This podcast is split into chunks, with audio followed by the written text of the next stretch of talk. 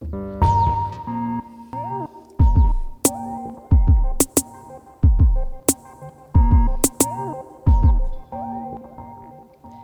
och välkomna till dagens avsnitt 115. Eh, med oss i studion har vi jag, Julia Gidlöv och, David Holm. och våra gäster idag är eh, musik och konstduon Krig. Då har vi Karin Bäckström här och Jon Krantz Perman. Välkomna. Tack. Tack. Vad är tempen med er? Jag tyckte det var kul att du använde mitt dubbel efternamn. Ja, Jon Kristoffer Krantz Perman. Ja. Ja, ja. En mailadress? Ofta när man har dubbla namn då är det en mailadress. Mm, precis. Eh, Nej, Karin, jag hade inte ditt mellannamn. Evelina. Evelina. Mm. Det har, jag heter också det. Mm. Vad fint. Det är fint. Idag ska vi prata musik och konst. Vi pratar ju alltid musik, men det ska bli kul att prata för skulle man kunna beskriva er som, det är ju lika mycket konst som musik. Skulle man säga så? Ja. Ja, men det kan man nog. Nu, jag, på ett sätt känns det som att vi jobbar jättemycket med konst de senaste åren. Men musiken ligger ju där. Det är bara att man kanske inte den kommer ut lika mycket. Att man märker den lika mycket. Man kan tänka liksom att det som har hänt är ju lite att ju, alltså idén med krig när vi startade krig handlade ju om att vi inte ville jobba med, med någonting annat än konst eller kultur. Eh, så, vi, så att musiken har ju blivit ett soundtrack till vårt eget arbete kanske mera. Mm. Vilket i och för sig är intressant för det skapar en enorm frihet i hur, hur man gör musiken och varför man gör musiken. Och du har väl alltid velat göra väldigt fri musik också.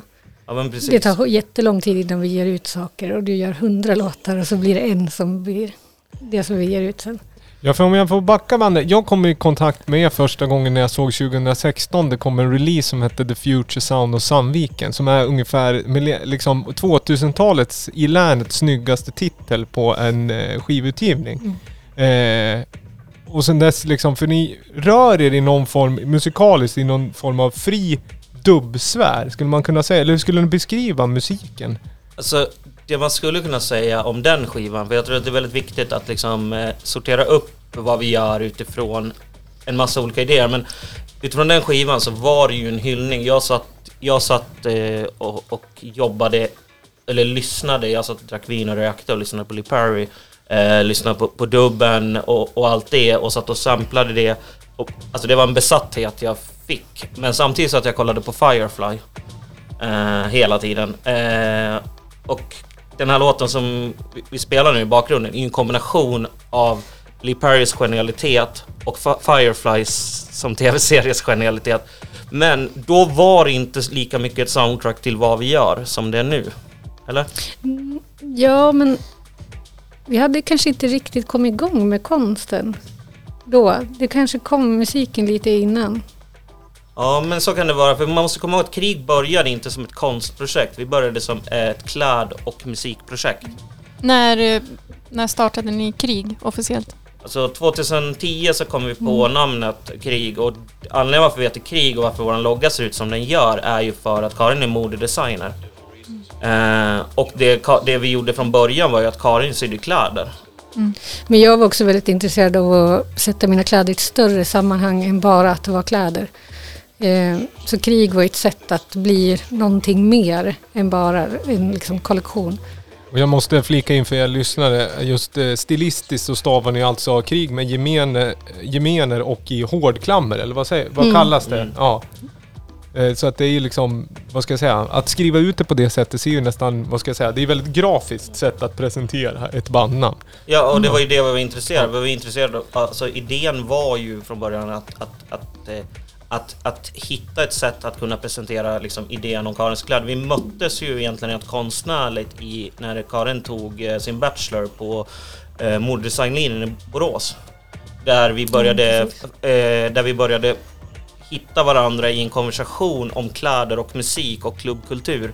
Eh, vi var väldigt nere i klubbkulturen då eh, och att du ville ju att vi skulle, att dina kläder inte skulle vara en, alltså kläder utan betydelse så att. Nej, alltså, ja, jag letade efter att kunna ta ett steg längre och då så möttes vi i diskussioner om musik. Mm. Och sen så beslutade jag göra en kollektion som skulle bäras eh, av flera personer eller många personer på ett dansgolv som också bytte bärare. Så att det var väldigt mycket accessoarer som man kunde dela med varandra och sånt där. Och så gjorde ju du musiken till Mm. hela projektet så att alla liksom outfits växte fram i en diskussion om musik och ljud och rörelser. Det tror jag är ett bra, eh, det är ett bra liksom ställe att utgå från när man gör musik. För då eh, så blir det naturligt mycket mer friare i form tror jag. Istället för att bara lyssna på eh, det tyck, alltså lyssna på en viss typ av musik man vill göra och så vill man göra samma musik. Att man kollar inspiration någon helt annanstans och faktiskt tittar på eh, ett helt bredare perspektiv. Mm. Jag tycker det hörs i slut, slutprodukten på ett helt annat Mm. sätt. Vi jobbar jättemycket med bilder Mm. och collage och sådana saker som vi pratar utifrån dem. Liksom. Sen är det ju också väldigt viktigt alltså så här, att vi jobbar ju konceptuellt hela tiden när det kommer till musiken. Eh, att jag, jag sitter och lyssnar på musik och så, så Alltså jag älskar konstnärer som vågar utmana de rådande idéerna, alltså de som pushar saker lite längre. Och, och de kan vara vansinniga, typ Bursum. Står jag inte bakom hans åsikter eller vem han är som människa på något sätt. Men han vågade pusha någonting. Lee Perry, jag står inte bakom hans värderingar heller, men han vågade pusha någonting. För att Mike och så vidare. Och någonstans där, jag tror att det är det som vi möts konstnärligt i, att konst någonstans handlar om att våga pusha vilket förhållande man har till det normativa samhället. Ja, och sen musik just att eh, ibland om, om man gör musik så gillar man musik. Det vill säga att man konsumerar musik. Så att man inspireras av musik är ju en självklarhet. Så man behöver liksom inte bli ännu mer, vad ska jag säga? Det finns ett problem att bli för analytisk av det man redan tycker om. Det är att man blir för inzoomad helt enkelt. Så rör sig allting eh, omkring Sen, har- sen har jag en sjukdom, eh, inte ADHD som är den, min diagnos, utan jag har en annan sjukdom när det kommer till musik. Det är att jag blir besatt av, en, av, av någonting, en idé. Eh, alltså, jag, är- som Karin sa, jag kan skriva 200 låtar egentligen som är nästan samma låt. Eh, det tar väldigt lång tid för mig att komma fram till det, men, men att just bli besatt av, av ett artisteri eller en idé, typ Velvet Underground, Lip eh, eh, Primal Scream, alltså den typen av musik som bara så här: okej, jag vill inte skapa det de gör, men jag, jag vill skapa deras idé, var de kommer ifrån, hur de tänker musik. Återupprepandet kommer från Velvet Underground hela tiden, att våga återupprepa samma sak i 10 minuter, att våga bryta normer hela tiden. Och det, det är någonting som jag tycker är väldigt viktigt i mitt förhållande till musik. Det är nog första gången jag blev riktigt rädd för musik. Det var nog när pappa spelade Venus in Furs för mig när jag kanske var fem år. Det är ett starkt, vad heter det, minne av musik. Att just den, eh, vad ska jag säga, den ljudbilden gjorde mig rädd men väldigt, Mm. väldigt intresserad av musik. Jag kommer ihåg det väldigt starkt. Och Venus and First är enligt mig i alla fall, och det vet ju Karin, vad- min relation till den låten. Alltså jag anser att det är den bästa låten som någonsin har gjorts på alla sätt och vis. Och jag och min vän Olle hade ju ett projekt att vi, var sjunde år så skulle vi spela in en ny cover av Venus and First. Vi lyckades hålla uppe det i två år i alla fall. Men det är ändå 14 år däremellan så att nu ska vi lyssna på lite av en, eh, en eh, tidigare kriglåt. Sen ska vi höra två andra låtar också i dagens program som är lite nyare.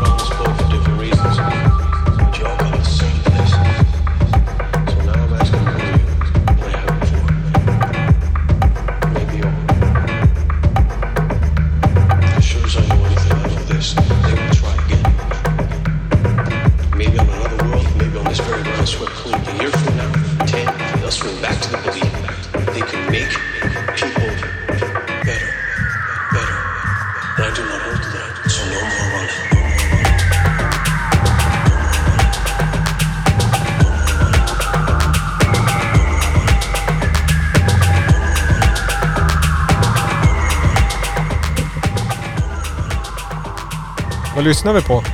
Eh, vi lyssnar på... Kom, alltså, Revolutionsdubb. Revolutionsdubb, tack. Eh, det, så, det här är en ganska viktig... Varför vi valde ut den här låten är ju för att den är ganska viktig utifrån en massa olika perspektiv. Eh, det finns alltid en ångest när man håller på med musik, eller i alla fall jag har levt i den ångesten och jag tror flera som håller på med musik gör den, och även inom konst eller var som helst, är just det här med att de ska vara så jävla duktiga och bra. Eh, samplingen är ju egentligen när eh, när i, i, i, i Seren, det är från Serenity, alltså filmen som är efter Firefly, handlar ju om att när, när de inser att makten har skapat en, ett, ett pulver och dragit ut i atmosfären för att folk ska bli bättre. Folk ska bli mera eh, mera liksom goda människor och då och, och han är ju en motståndare mot alla former av revolution eller kamp i grunden, Captain Reynolds. Men, men att just i det skedet så ställer han sig upp och, och, och förklarar krig emot makten på grund av att de ville göra människor bättre än vad de är.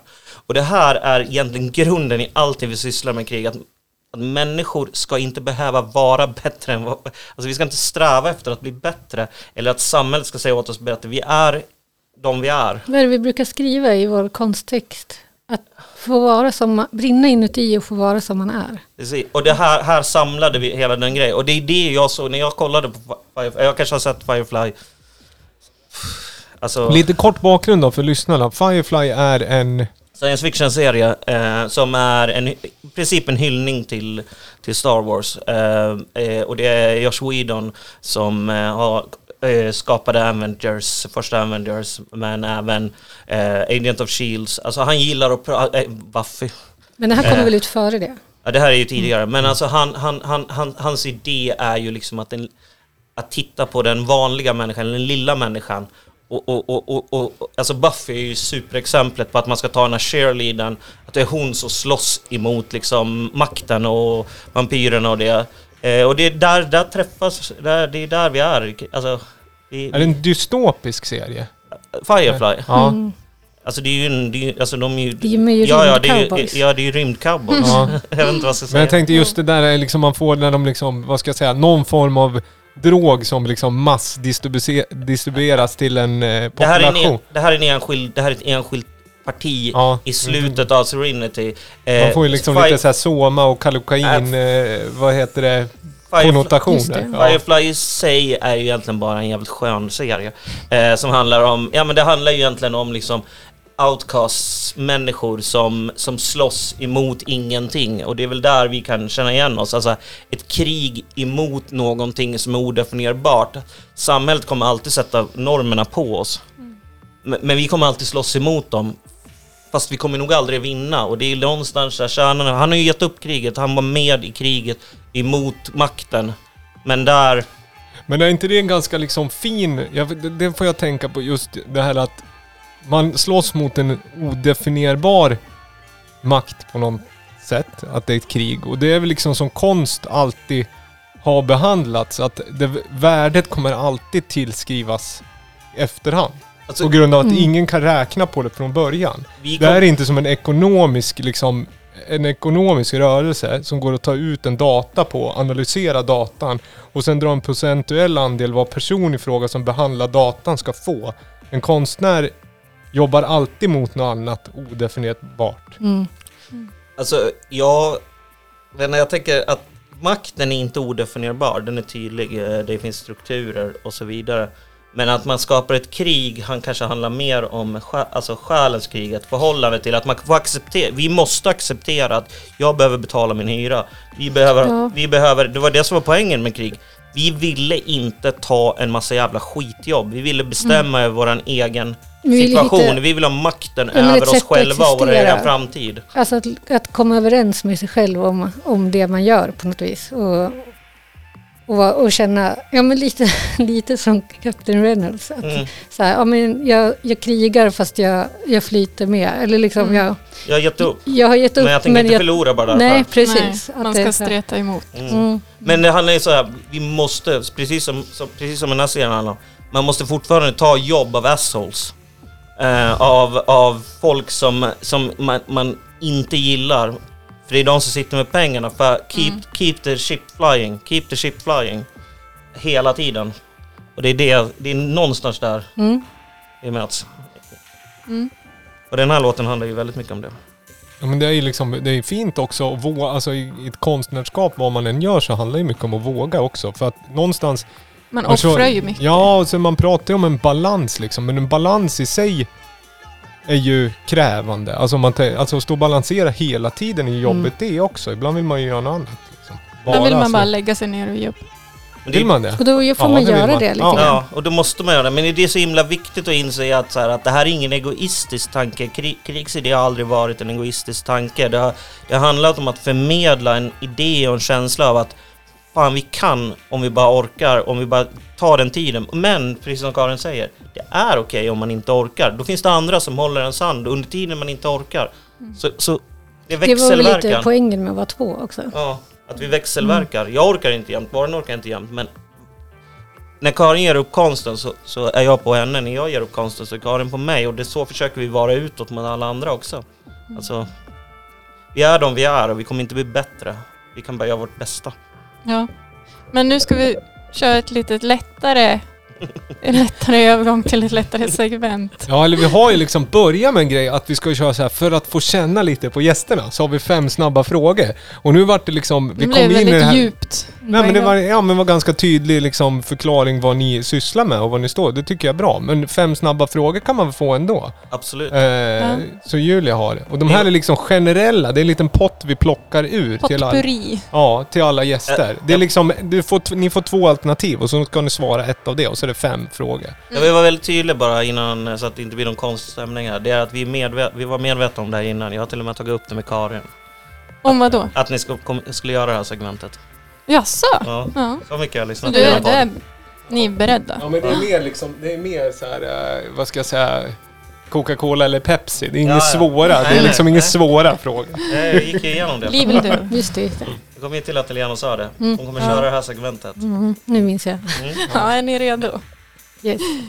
får ni väl svara i mun på varandra, jag vet inte. Men eh, är ni morgon eller kvällsperson? Morgon måste jag säga. Och jag är kvällsperson. Mm. Hemmakväll eller utekväll?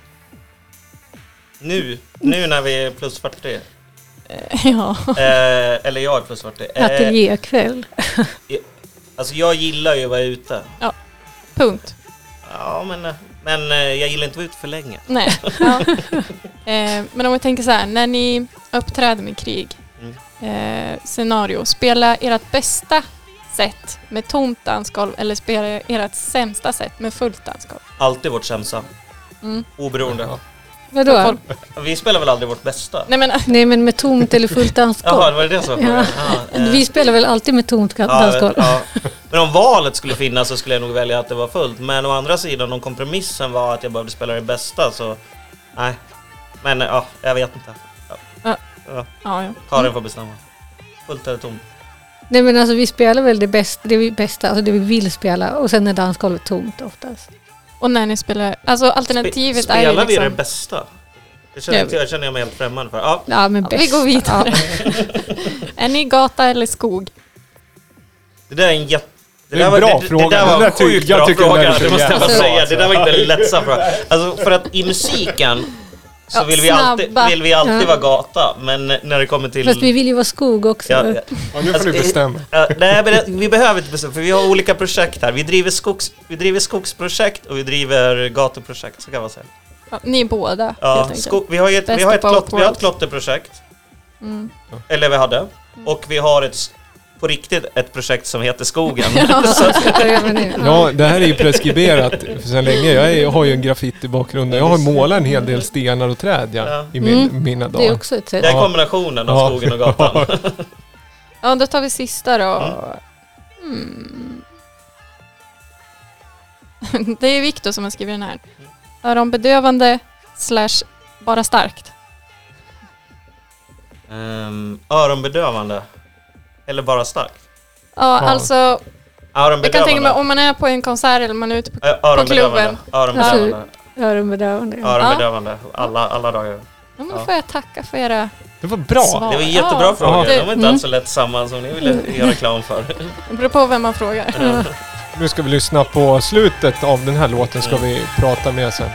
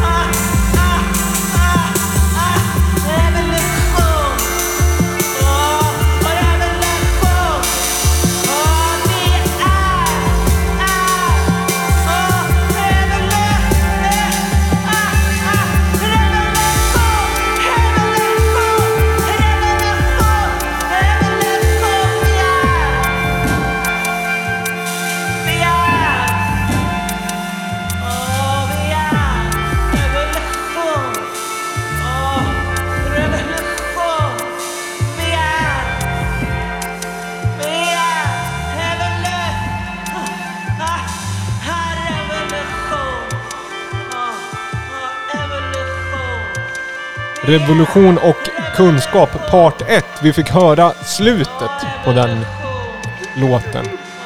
Alltså alla, alla gamla kriglåtar är ju minst 10 minuter långa så att det blir, blir en konstig podcast om vi ska spela hela låtarna. Eh, men de går ju att hitta. Vi har precis eh, lyckats eh, Idag faktiskt så lyckades vi Lägga upp den lägga upp det på Spotify. Spotify. Den ligger ju på Soundcloud annars. Soundcloud är ju för övrigt våran eh, plats där vi lägger upp all skit som, som jag har lust att lägga upp. Alltså det, är- det ligger jättemycket låtar där och det är demos och allting. Men vi kanske ska lyfta skillnaden mellan de två olika låtarna. Och det ena är att... Jag Först, får bara sticka in med en grej, och Mm. när vi ändå är på Spotify och sånt. Vi, alla låtar som finns tillgängliga, de läggs till i våran playlist som också heter Lamour Podcast Mm. Track, så ni lyssnare kan hitta låtarna som finns också. så då kommer den här låten också bli tillgänglig från typ 3 eller 4 november. Ja, så där vi då lägger vi till Ja. den i Mm. efterhand. sen. Men, men man kanske ska säga första låten vi lyssnade på, det var ju verkligen, eh, jag eh, satt själv i tre år ihop med att Karin gjorde en massa vettiga saker. eh, och, och, och som jag sa, drack vin och rökte. Eh, och eh, liksom letade verkligen så här, vad är min musik? Alltså väldigt mycket privatjon. givetvis en konversation med Karin, men Karin var inte riktigt med i, på samma sätt som inte jag var riktigt med i konsten. Men eh, någonstans efter vi släppte den skivan så var jag lite färdig med mig själv och var liksom med det. Jag var helt besatt av idén att jag, så här, jag måste... Men då lärde jag känna Jocke under den här perioden och anledningen till varför första skivan överhuvudtaget kom ut är på grund av Jocke, alltså Alfman. Eh, för att jag... Eh, jag, jag, jag, alltså, jag vill helst, eller jag släpper inte musik. Jag gör inte musik för någon annan än mig själv. Eh, och nu gör jag den för mig och Karin. Men jag är ganska ointresserad av vad andra tycker och, och sådär. Men samtidigt så har jag ett behov som alla konstnärer har, att man, att man, att man vill få lite cred för det man gör. Ja. Eh, men, men, men så att på första skivan kan man säga att Jocke gick in och eh, räddade att det blev en skiva. Men Han som gjorde att vi fick ut den Ja, och att vi fick ut den. Han, han, han gick in, han har, han har gått in, alltså hans mastering var inte en vanlig mastering. Han gick in och, han gick in och justerade, alltså det, det- den låten har vi inte spelat nu men... Men Jon, var det inte så att eh, du hade jättemycket låtar på datorn Ja. och sen så hade du kraschade den ja, och sen hittade vi de här fyra. i, en, i, en, i min iPad. Ja, och så blev det skivan. Så skickade jag den till Jocke Ja. och så bad jag Jocke typ såhär, få det här att låta bra typ. Eh, och sen gick han in, han gick in och, alltså han gick in i en av låtarna, den med den Jonsson-samlingen, så, eller samplingen, så gick han in och då bad jag honom såhär, men gå in och få det här låta som en danslåt liksom. Så Men det. eh, den här senaste låten vi lyssnade Mm. på, jag tänker på när vi spelade in det, då hade vi ju- då var ju jag med på skivan också. Ja men det var det jag skulle Ja. komma till, att det viktiga var att efter det så kände jag mig rätt klar med mig själv. Och då ville jag att, alltså då, ins, då började jag prata med Karin om det här med musiken, att så här, ja men ska jag sitta och göra musiken? Och, om gör- för då hade vi börjat gjort konsten tillsammans nämligen. Och då kände jag så här att det blir, helt, det blir jättekonstigt, nu gör vi konst tillsammans, ska jag sitta, ska jag sitta som en självupptagen, fortsätta vara en självupptagen pojke som bara sitter i min lilla datavärld och gör musik liksom? Eh, och då började vi diskutera och Karin var inte superpeppad Nej, på det- att vara, göra musik men jag, in, jag fick reda på att hon spelade blockflöjt när hon gick i, i, i mellanstadiet. Ehm, så, så då sa jag så här, men blockflöjt, Karin tyckte inte blockflöjt låt, lät bra, så jag sa, men det låter skitbra om man Men lägger sen reverb på hittade den. vi ju melodikan. Och sen också. hittade vi melodikan Just eh, och då började vi leka med det här och sen kom vi på det här med att men fan det skulle vara skitkul att göra en session. Alltså en idé om att man tar in musiker som spelare och de enda musikerna jag litar på och kanske fortfarande typ orkar med är Joakim och Karin. Så då åkte vi till en stuga och den låten vi lyssnar på. Eh, jag programmerade en, en trummaskin eh, och sen så spel, stod Karin och eh, Joakim och spelade på, på min trummaskin. Och sen började vi försöka hitta olika sätt att, att producera det på. Sen är ju Joakim är ju, alltså han kan ju inte, när han är inne i någonting, han kan ju inte sova eller göra någonting. Han bara jobbar, jobbar, jobbar. Så det finns ju en annan del av låten som jag bara hade skrivit en synt på som i princip Jocke klev upp mitt i natten och skrev om. Och basen och gitarrerna skrev han om också. Så det är väldigt viktigt att se Men, de eh, skillnaderna. Det ena är jag med en idé om krig. Den, det vi lyssnar på nu, det är, det är en, en idé om hur, hur kan vi göra någonting större tillsammans. Och, och hela den här skivan är inspelad i två olika stugor med ett års mellanrum på varje inspelning.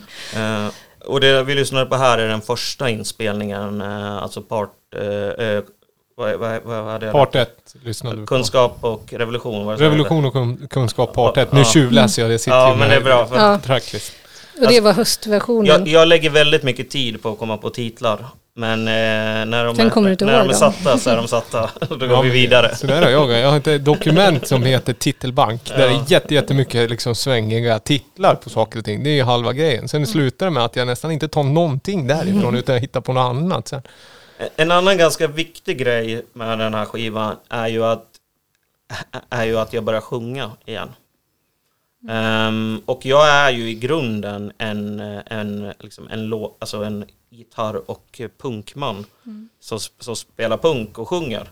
Ehm, men jag slutade sjunga någon gång runt 2006. Fyra, fyra, sex. Ja. Eh, och fokuserar helt på elektronisk musik. eh, Och jag vet inte exakt vad det berodde på. Det finns, eh, alltså jag hade en ganska destruktiv, eller ganska, jag hade en superdestruktiv period fram tills för tio år sedan. Eh, Och den varade ungefär tio år och då snöade jag in på att sitta och göra konstiga ljud i en källare. Um, men, men, men, där någonstans började jag disk, började diskutera med mig själv och med Karin så här, vore det inte kul att sjunga lite? ehm, och säga någonting. För jag, jag kan tycka ibland att elektronisk musik lider lite av att den inte har möjligheten att berätta någonting på ett tydligt Men sen, sätt. det passar ju så bra också för vi vill säga så mycket med krig. Ja precis, vi är ju, Så vi, vi vill ju... Texterna ja. är ju en bra outlet Mm. för liksom Ja, men alla då, då måste idéer. man nästan slå sig fri i liksom det Mm. traditionella klubbsoundet. För det finns, det är liksom, det är ju... Det är mycket som händer där men det är kanske inte där folk tittar först och främst. Det är ofta i liksom retrospekt man kan liksom se populärkulturella förändringar i en klubbscen. Men där och då så är det ju inte så uttalat att det budskapet är ju mer jag vet inte om det är så mycket i musiken och framförallt nu med EDM som är väldigt, Mm. väldigt liksom stereotyp. Eh, Så att, vad ska jag säga, man får ju... Det är ju snarare en känsla av förändringen än att någon faktiskt beskriver det på ett snyggt sätt eller att man får några nya idéer och tankar. Men jag tänker med den här låten, man blir ju ganska så här, eh, lite som att man hamnar i en trans eftersom det tar så lång tid innan eh, din röst kommer in. Mm. Men jag tänker också på att jag har ju hört den här live på Kungen. Mm. Alltså den är ju jävligt punk, alltså när du Mm. börjar sjunga. Men jag tror, jag tror att det är viktigt för att alltså, vi jag, jag tänker så här, dansgolv i sin natur är revolutionära på ett sätt. De är socialistiska. Att ett bra dansgolv, det går ju ut på att lämna plats till varandra och att, och att man gemensamt uppnår någonting mera. Att man, alltså, du, du, alltså det värsta som finns på ett dansgolv, det är när någon kommer in och liksom, mm, trycker. Mm.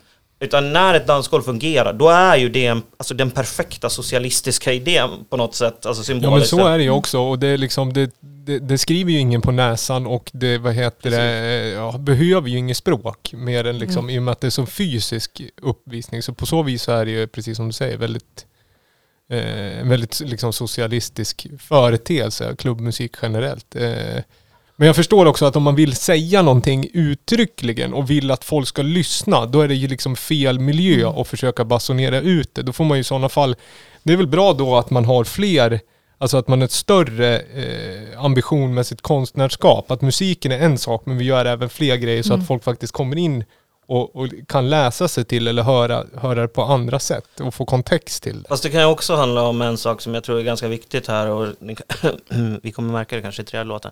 Att det finns också en trötthet emot vart dansgolven har gått stegvis. Att dansgolven, de dansgolven jag kommer ifrån, eller som vi kommer ifrån, var de här dansgolven där det handlade om Alltså någon form av gemensamhet och andra värden. Och att idag när jag går ut på dansgolv, visst jag är 40 nu så att det kanske är också att jag bara är gubbtrött, jag vet inte. Men att jag upplever att det är det här ruffiga, det här, det, de dansgolven som, de dansgolven jag dansade på eh, liksom större delen av mitt liv, de dansgolven gick aldrig ut på att vara grabbig eller, eller ta plats. Mm. Utan de gick, ut på, de gick ut på att dansa och visa respekt. Och jag kan uppleva, speciellt när jag går ut i Gävle eller Sandviken, whatever, alltså att det alltid är ett ruffigt dansgolv. Det är de dansgolven som jag aldrig ville gå på när jag var eh, Alltså när jag gick ut i Sandviken förut, det var de dansgolven man spelade skitmusik på. Nu spelar man techno, men dansgolven är som att man spelar, inte vet jag, jag vet inte ens vad den nya musiken heter.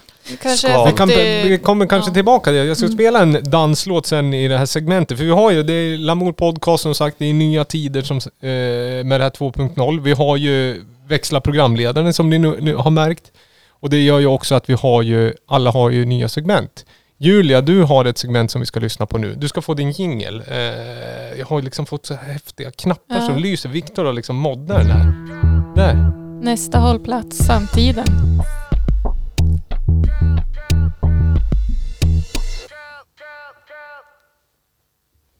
Ja, och då ska vi ha låt här. Jag Ja. tänkte att du skulle säga någonting innan. Nej, jag vet inte. Legendarisk otajt. Jag hade gått, vi gick ju ut liksom i tidningen Viktor klippte det. Ja, vi, vi sa ju det kommer vara en tajt produkt. På tal om eh, punk och konst.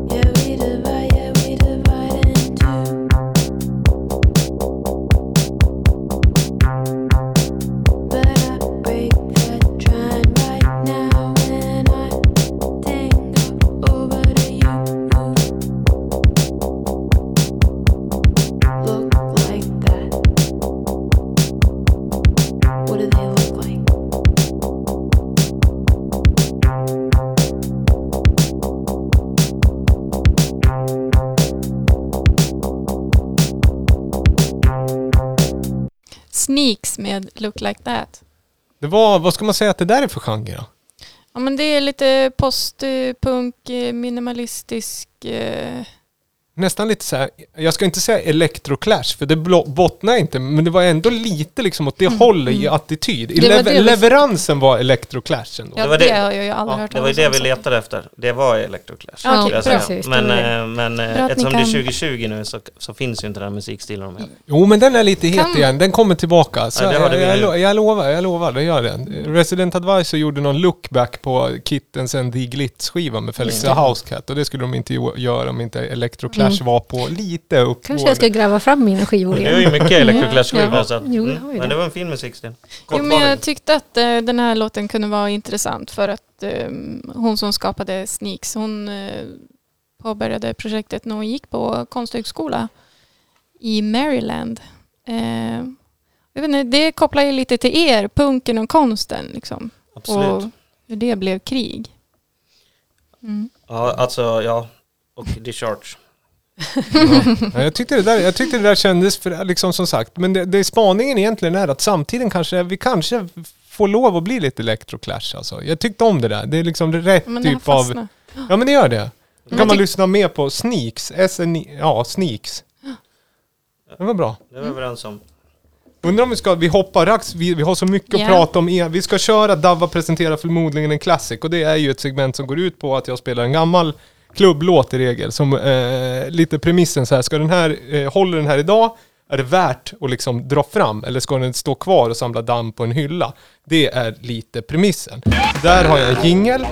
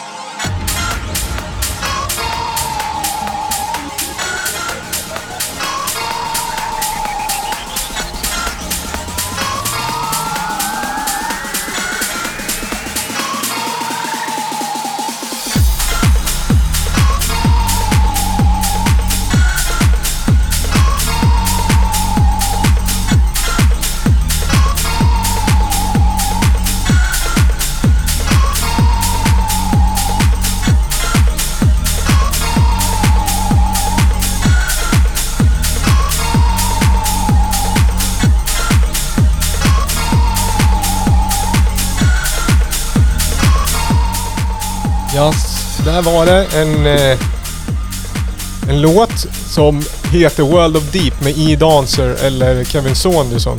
En av The Bellevue 3, alltså originatorerna av technomusik tillsammans med Juan Atkins och Derek May. Den här låten är från 1997.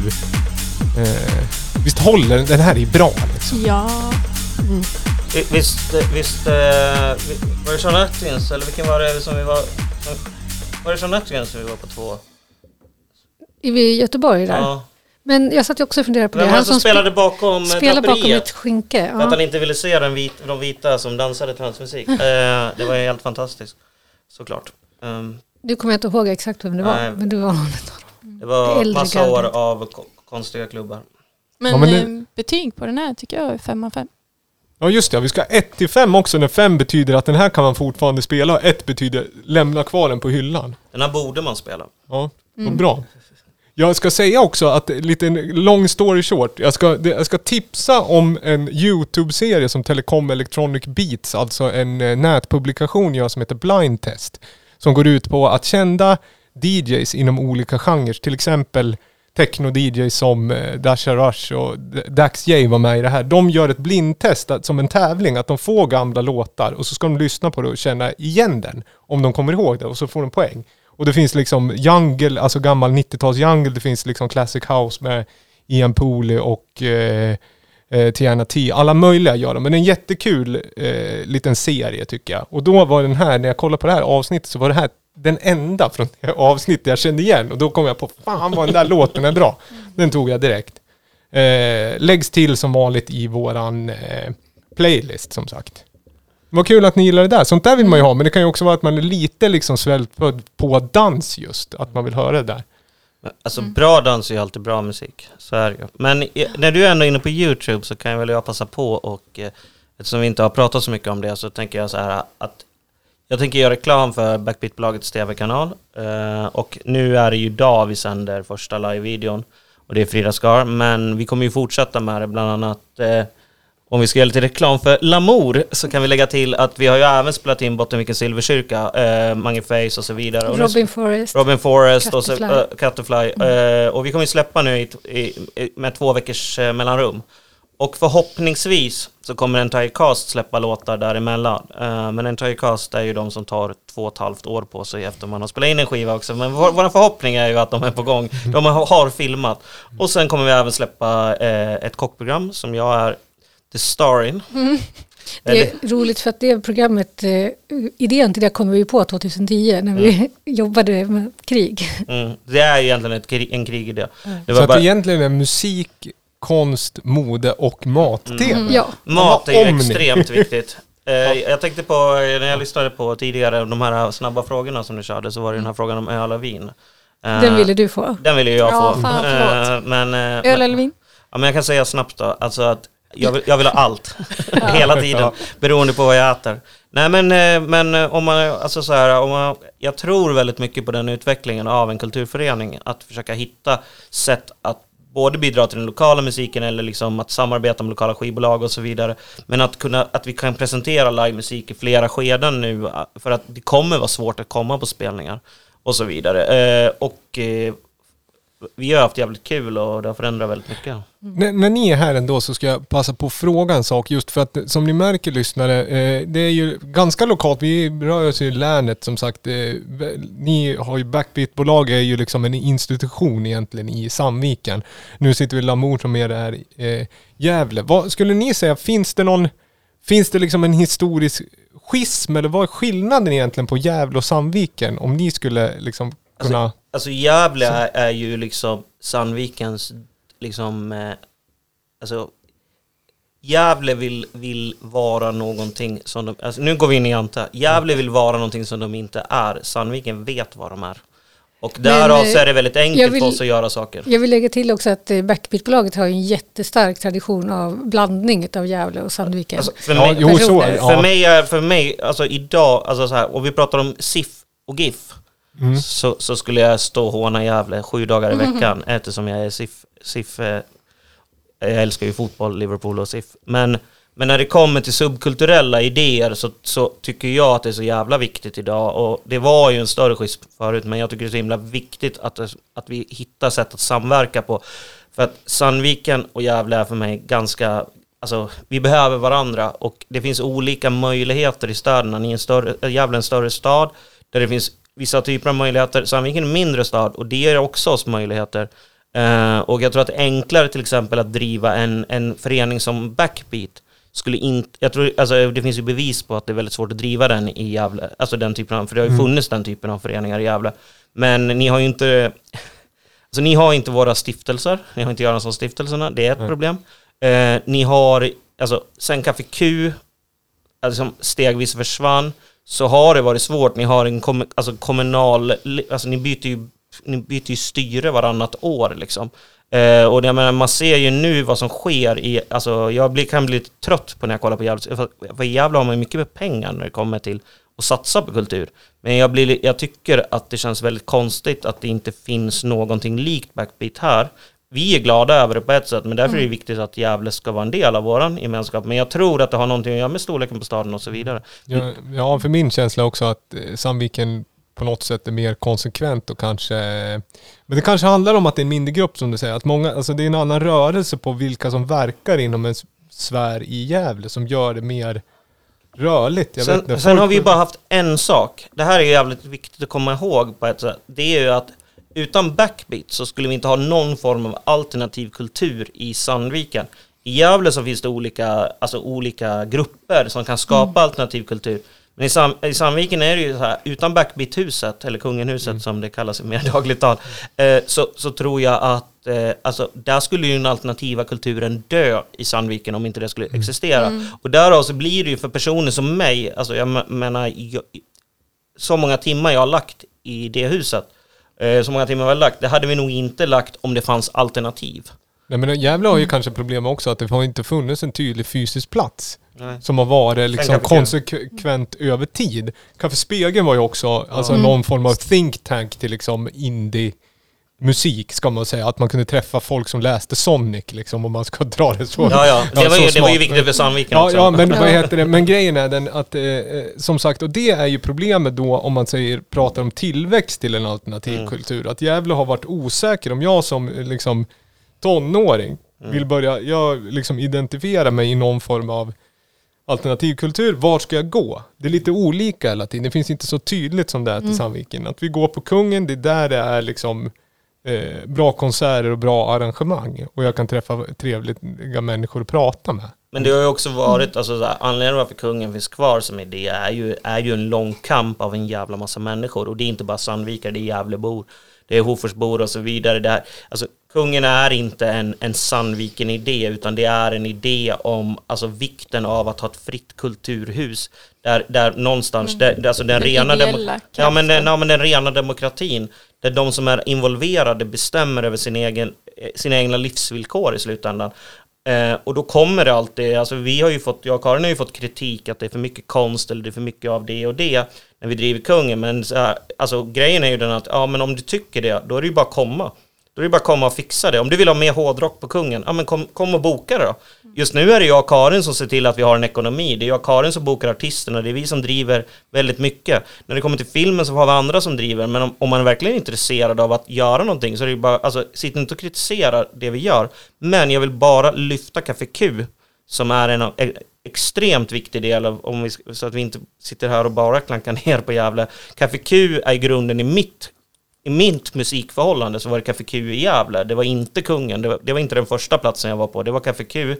Det var de spelningarna på övervåningen där när de öppnade fönster och det kom in eh, gas som visade sig vara syre.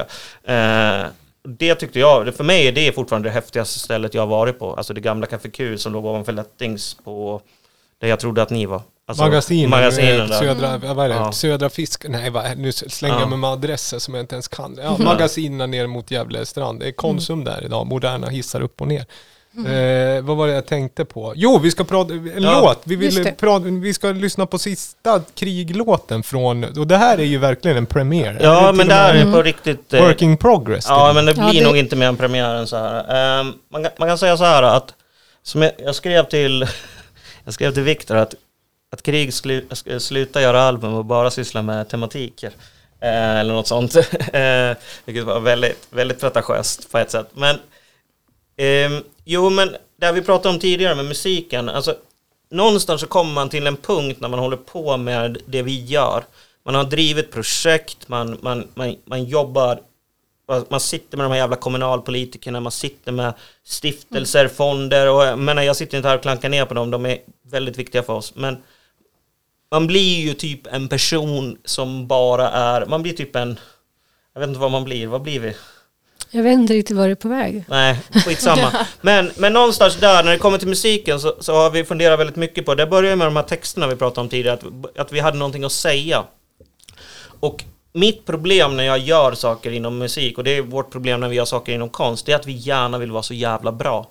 Alltså vi vill vara smarta, genomtänkta och briljanta. Och det tror jag väldigt många som håller på med konst eller musik eller liknande saker känner igen sig i. Att man, alltså man, man, man, man, vill, man vill visa att man är duktig på olika sätt. Eh, och eh, det har varit väldigt viktigt för mig inom musiken men även... Alltså, du, för mig också inom ja, textilen kan man säga. Att bryta ner det här med att ja, men vi kan göra det bra men är det det vi vill? Nej, Nej, men, men, det är, snarare, är det det vi vill? Vi men så här, får jag fram det uttrycket jag vill ha om jag gör det bra? Mm. Jag kanske inte det jag liksom söker efter. Kanske att göra det. det ja, men, att jätte... inte bara stanna vid tanken. Ja, men jag har jobbat jättemycket med att inte göra saker bra. Mm. Liksom, för inom textil så finns det jättemycket regler. Hur du ska fästa trådar, det här ska inte synas, det här ska vara si och så. Men jag tänker, det blir liksom inte, får jag fram det jag vill säga? Så jag börjar jobba med att jag skiter i det. Jag bara kör. Ja, och då får jag fram någonting annat. Liksom. Men inte att det ska vara, alltså så här, konst kommer aldrig vara enkelt och det ska aldrig vara syftet med konst. Konst ska alltid vara att man utmanar sig själv, men hur utmanar man sig själv? Utmanar man sig själv att man tittar på världen och tänker så här, ja men det här är någon form av ideal, alltså så här, den, den, perfekta hantverket är vad Karin ska uppnå, eller den perfekta låten är det jag ska uppnå. Eh, alltså, nej, utan... Det är kanske inte konst, då blir det liksom en produkt. Ja, mm. fast det är väl där vi är väldigt mycket. Men Jon, kom till punken då. Jo, jo Inför den här men, låten. Eh, jag vaknade upp av... Eh, jag vaknade upp från en situation i mitt liv som är ganska viktig för mig, men där jag vaknade upp och insåg så här, vad är egentligen jag bryr mig om? Vad är egentligen det viktiga? Och någonstans så kände jag så här, det är att säga saker på, på ett sätt som utmanar mig. Alltså att inte vara, försöka vara, om man lyssnar på den här tiden när jag sjunger liksom, jag kommer inte ens ihåg vad jag sjunger, men det är så här, det är one-liners, det är så här, en viss smartness förhållande till någon form av så här.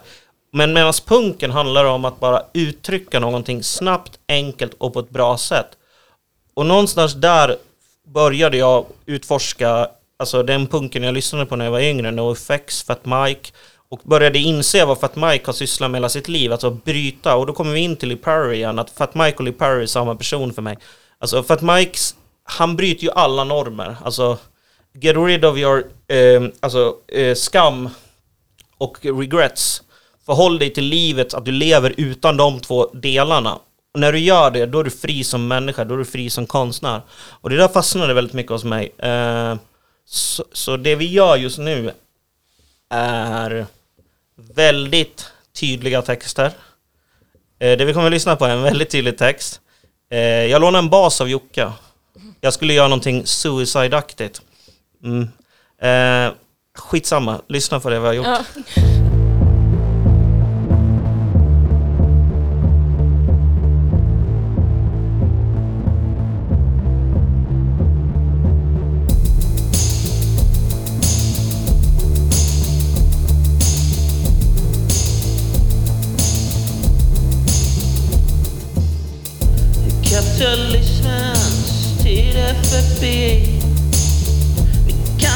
sitter där med ert jävla flin Individualismens tider här. Det är barnen som ni lär som beväpnar sig med gevär. Och kapitalismen tid är förbi. Ja, ja, ja. Individualismens tider här.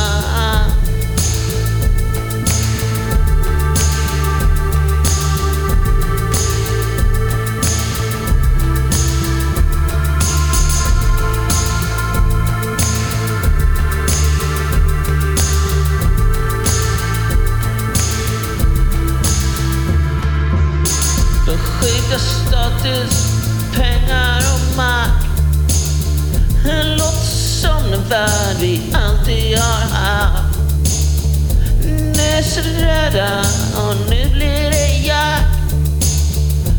Skapa nya lagar, hårdare straff. Ja, ja, nu är alltså så rädda, nu blir det jakt. Skapa nya lagar, hårdare straff. Ja, ja, ja. Nu jävlar ska ni ta tillbaka makt. Ja, nu, nu, nu ska ni ta tillbaka er makt. Ja, ja,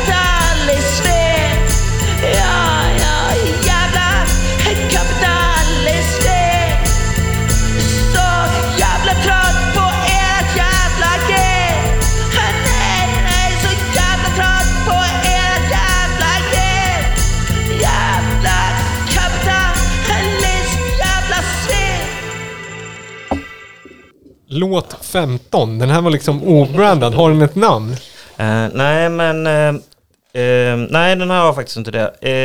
Däremot så bygger den egentligen på en...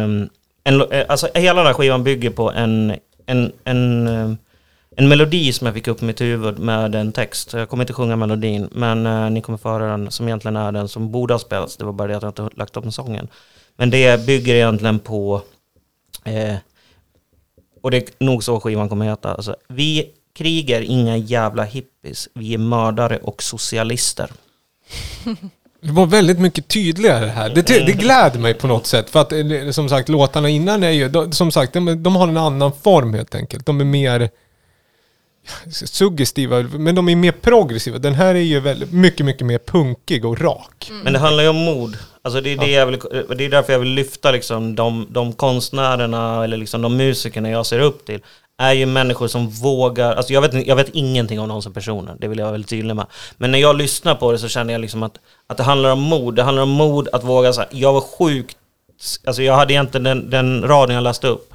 Det var den låten jag ville spela, för den texten är mycket, Alltså den är mycket mer välskriven, om man ska säga. Den här är ju rakt på sak, den handlar om egentligen om... Alltså jag vaknade upp en morgon och så läste jag om, om att man skulle ha hårdare straff på, mm, på folk som var eh, involverade i gäng. Och jag blev så jävla trött på att man inte fortfarande inte kan koppla liksom liberalismen eller kapitalismen, alltså den här idén om att alla ska kunna berika ihop med kriminalitet. Jag har en vän som sitter i fängelse som verkligen drivs av idén, alltså den enkla idén av att säga, men varför ska jag vara pank för? Då kan jag sälja droger eller do, do whatever. Alltså, alltså jag blir så irriterad att man som moderat politiker som pratar om det fria kapitalet samtidigt inte förstår varför folk sysslar med kriminalitet. Och det är egentligen det den här låten handlar om, det är så sjukt enkelt. Sen behöver man, alltså det här är min jag har en väldigt stark politisk åsikt, men jag tycker inte att det ens är politiskt. Jag tycker att det är så uppenbar koppling att om vi alla ska bli rika så är det ganska logiskt att vi kommer ta genvägar. Vi har en president i USA som, ja, vi behöver inte ens nämna han, men det handlar om att ta genvägar och jag, jag, blir lite trött på det. Eh, Och hårdare straff Mm. kommer ju inte funka, för folk, om folk är panka kommer folk vilja bli rika. Det är, alltså, jag tror på jämlikhet. sen- och som sagt, vå, våran podcast brukar ju inte ta ställning, men man kan ju liksom skriva under ändå på att det är ju smått obehagligt med att pengar växer så jävla mycket snabbare om man redan har pengar. Alltså, och att det är lite, alltså generellt sett, resurser vad det än är, är ju inte så jämnt fördelat i denna jord. Och det är, Jag tycker inte att det handlar om att ta ställning. Jag tycker att det är ganska tydligt. Har vi en, har vi en, har vi en, liksom en norm om att du ska klara dig själv och bli rik, att alla är jämlika i grunden. Har man det som moral så kommer folk alltid drivas av att uppnå den moralen eller den normen. Så för mig handlar det egentligen inte om vänster eller högerpolitik. För mig är det bara uppenbart att om vi bestämmer oss att idén att man ska klara sig själv, alla är jämlika oberoende på vad du för bakgrund eller var dina föräldrar kommer ifrån. Om, om, om, om vi har den grundidén så kommer folk ta genvägar för, för att uppnå de, de idealen. Så att, ja, ja, jag, sen tar jag, alla genvägar, det handlar om vilka genvägar som är lönsamma och sen vissa genvägar är ju kanske Eh, vad ska jag säga? Det, det finns ju all, massa, massa olika genvägar att ta. Ja, Vissa straffas liksom- ju hårdare för att de tar en genväg. Att samhället, Ja, ja. samhället Ja. inte vill erkänna liksom, att man har fo- eller olika förutsättningar. Och nu kommer vi tillbaks till det som egentligen är grunden i Firefly och det vi har pratat om från början. Det är ju att vi är inte så jävla bra. Vi måste sluta hoppa, alltså vi måste sluta hantera livet och samhället som att vi är bra individer, som att vi kan, att vi, har, att vi är liksom, som individ kan uppnå en massa olika idéer, alltså så här höjder i vilka vi är. Jag tror väldigt mycket på att så kollektivt så kan vi typ vara posit- en positiv kraft. Men, men rent egoistiskt så, så alltså, där tror jag inte vi kan uppnå någonting. Och visst, kalla, kalla det vänster om man vill, men jag tycker inte att det är det. Jag tycker bara att det är helt rimligt att vi, att vi inte är bra. Jag tycker inte vi ska ha någon form av idé om att vi måste bli rika eller lyckliga. Jag hatar idén med, med att bli lycklig. Liksom. Det är, Ja, Det är sen är bullshit, det, ja liksom. sen det, det går liksom, det är ju sånt, det är sånt otroligt konstigt värde. För att, Mm. för att bestämma vad som är lycka måste man ju ha varit riktigt olika. Alltså, den, skalan är ju så skiftande liksom. Och sen handlar det också om att man, jag är också trött på att man ska jämföra. Man ska väl ha det, alltså det bästa skulle väl vara om jag låter så platt, att alla liksom har det bra. Alltså, ja, och sluta jämföra grejer så himla hårt. Att man gör det, man drivs någonstans av lust och är snäll mot varandra.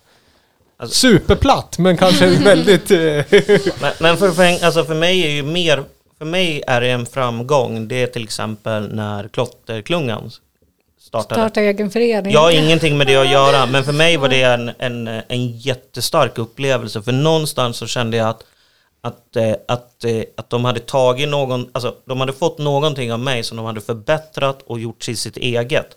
Alltså jag har ingenting med det att göra, helt, eh, på något sätt. Men någonstans så kände jag så här, det var min, det, det var för mig en så här magisk upplevelse. Till ja, men exempel. Klotterinstitutet inspirerade ju verkligen oss. Och det var ju tanken också, inte att vi skulle gå in och berätta för er vad ni skulle göra eller Nej. vilka ni var på något sätt, utan bara så här, ni kan göra det här om ni vill. Och när ni gjorde det så var det så här, äh, ja men det var, det var, det var ju en magisk upplevelse för oss. Ja, kul att höra. Men det var inte så att vi satt och cred, vi sitter ju inte och creddar oss för det heller. Det har ju ingenting med oss att göra så. För ni gjorde ju eran grej. Men det, det är det jag menar, liksom, hur värderar man vad man gör och vad som är en framgång eller inte en framgång. Det handlar ju om att, eh, återigen, alltså saker ska ju hända. Eh, Det, det är det. Och så att man blir inspirerad och gör andra saker, inspirerar andra och andra kommer vidare och man lär sig och man... Eh, vad ska jag säga? Hur får du dagarna att gå då? Kanske man, någon frågar. Ja, jag lyssnar på musik bland annat. Och gå på arrangemang. Precis. Där kommer våran jingel och då vill jag tipsa om den 7 november, Stora Gasklockan, eller hur Julia? Visst är det så? Jajamän. Sjätte. Jag skulle kolla om du var med Julia. Ja, men du frågar ju om... Vem är det där? Har vi någon sufflör i en soffa? Trodde du Det är så? chefen. Ja, Ja precis, man är under liksom uppsyn. Jävla Amazon-podd, vad heter det? Ja, nej men vad heter det? Jo, men i alla fall. Lisa Stenberg, Resmiranda de Koling och Klora. Det blir liksom en middag och eh, en ambient konsert, eller kväll med tre stycken eh, jättetrevliga artister. Som är del av Pushfestivalen eh, och det är konsert nummer fyra som heter Höstdimma. Helt fantastiskt. Eh, Resmeranda, eh, får vi också göra reklam? Ja, det är därför vi har den här. Ja, men vad bra. Eh, jag kan ju inte datumen, men vi har... Men jag kan. Karin kan 27 ju datum. Tj- november. 27 november så har ju vi Resmeranda som förband, men vi har ju också ehm, eh, Stella Chivese. Stella Mm. Chivese som s- kommer spela liksom, traditionell magisk musik från eh, Zimbabwe. Zimbabwe. På det magiska instrumentet eh, mbira som man använder för att fram, eh, prata med sina förfäder. Typ. I, I hennes rider så står det ingenting om mat eller sådana grejer utan det enda det står att hon ska ha en timme tystnad innan spelningen för att hon ska kunna framkalla sina förfä, förfäders andar. Sjukt nervös är jag att laga maten henne vill jag bara säga. Men det kan bli Ska spännande. du filma det till mat-tv när du lagar Nej, mat? nej jag, jag kommer vara så himla tillbakadragen och lugn. det, det kommer inte vara den, den vanliga. Har vi något mer då som vi ska plugga? Nej, det är Lamour-släpp som vanligt. Man ska följa Lamour Podcast på Instagram, man ska följa Lamour, eh, Lamour Records på Instagram. Man kan köpa eh, skivor i Lamour Records Store. Backbeat-bolaget har en Instagram. Jag har en Instagram Ja. och en Facebook och en YouTube-kanal. kan man följa. Och som sagt, Backbeat-bolaget TV börjar nu då med var 14 dag kommer eh, 14 dagar kommer det livekonserter, men Ja. emellan det så är ju tanken att vi ska släppa de här uh, lite mer knasiga programmen, typ eh, matlagningsprogrammet och förhoppningsvis Entire Casts eh, spel, inspelning också. Men det har inte jag någon makt Ett över. artist talk har jag Ja, det är ett knappat ihop artist talk också. Ehm, så vi, men får vi tacka att vi fick komma? Ja, vi kan säga det om vi är klara det. Det händer ju inte jättemycket, men det händer ju ändå grejer. Jag tycker den här TV-satsningen är jättekul. Den ser jag fram emot. Det var ju meningen, eh, vi, vi ser ju gärna att vi har flera samarbeten med Lamour också och jag hoppas att vi kommer ha ett till, till våren. För vi har ju sökt pengar för det. Ehm, Viktor gör tummen upp. Ja, jo men vi har redan pratat med Viktor om det här. Så att, eh, men vi får tacka jättemycket att vi fick komma Mm, tack så och mycket. eh, hoppas att ni slipper klippa för mycket. Men det tror jag inte. Ja, det var bra. ett bra samtal. Vi får, ni får komma tillbaka sen. När Mm. du släpper ny musik. Ja, gärna. Vi Ja. ska, det tar väl kanske något år eller? Nej, Eller men- göra nej, någon utställning annars. Ja, Håll vi oss uppdaterade. Ja, vi håller er uppdaterade. Ja. Och som sagt, Klotterklungan kan man också följa va? Absolut. Jajamän. Ja. Julia Idlöv på Instagram. Ja, på Maneten Davva har släppt en remix också. Den säger inte lika mycket som spå- låt 15 gör. Det är en instrumental Men vi kan för- ju se Men han krig. borde ha spelat in eh, på Backbeat TV dock. Men, Ja men det kan jag göra någon annan Får gång. jag göra en sista reklam då Ja. om vårt Ja. lifestyle-konto Krigsandviken Ja, på Instagram? Ja, men Vi har precis gjort om vårt konstkonto till ett lifestyle-konto har vi insett. Eftersom det mesta vi lägger upp är när vi gör så här coola grejer. Med att vi sitter och odlar och... Just nu håller vi på med chilisås. Ja. Jag hade egentligen tänkt tagit med en chilisås men jag var så osäker på hur många ni skulle vara och... eh, Så nästa gång så tar vi med oss en varsin sås till er. Då ska ni göra en collab med Bernies Hot Sauce. Det är en DJ från Gävle, eller han är från Rengsjö egentligen. Så det är Hälsinglandssås. Ska ni göra en collab-sås med Ja, han. Det är just det. riktigt bra uh, hot sauce. han. Mm. Ja, då borde jag ha tagit med den. Men Ja. tack så mycket! Tack själva. Tack. Då säger vi så. Vi lyssnar på en låt eh, med eh, en artist som vi kan lyssna på på Stora Glasklockan den 6 november. Det är Klora. Låten heter Slumra. Från ett album som heter Nattmusik. Vi lämnar er så och säger stort tack för att ni lyssnar på Lamour Podcast. En podcast om elektronisk musik från Gävle men blickar beyond. Ha det så bra.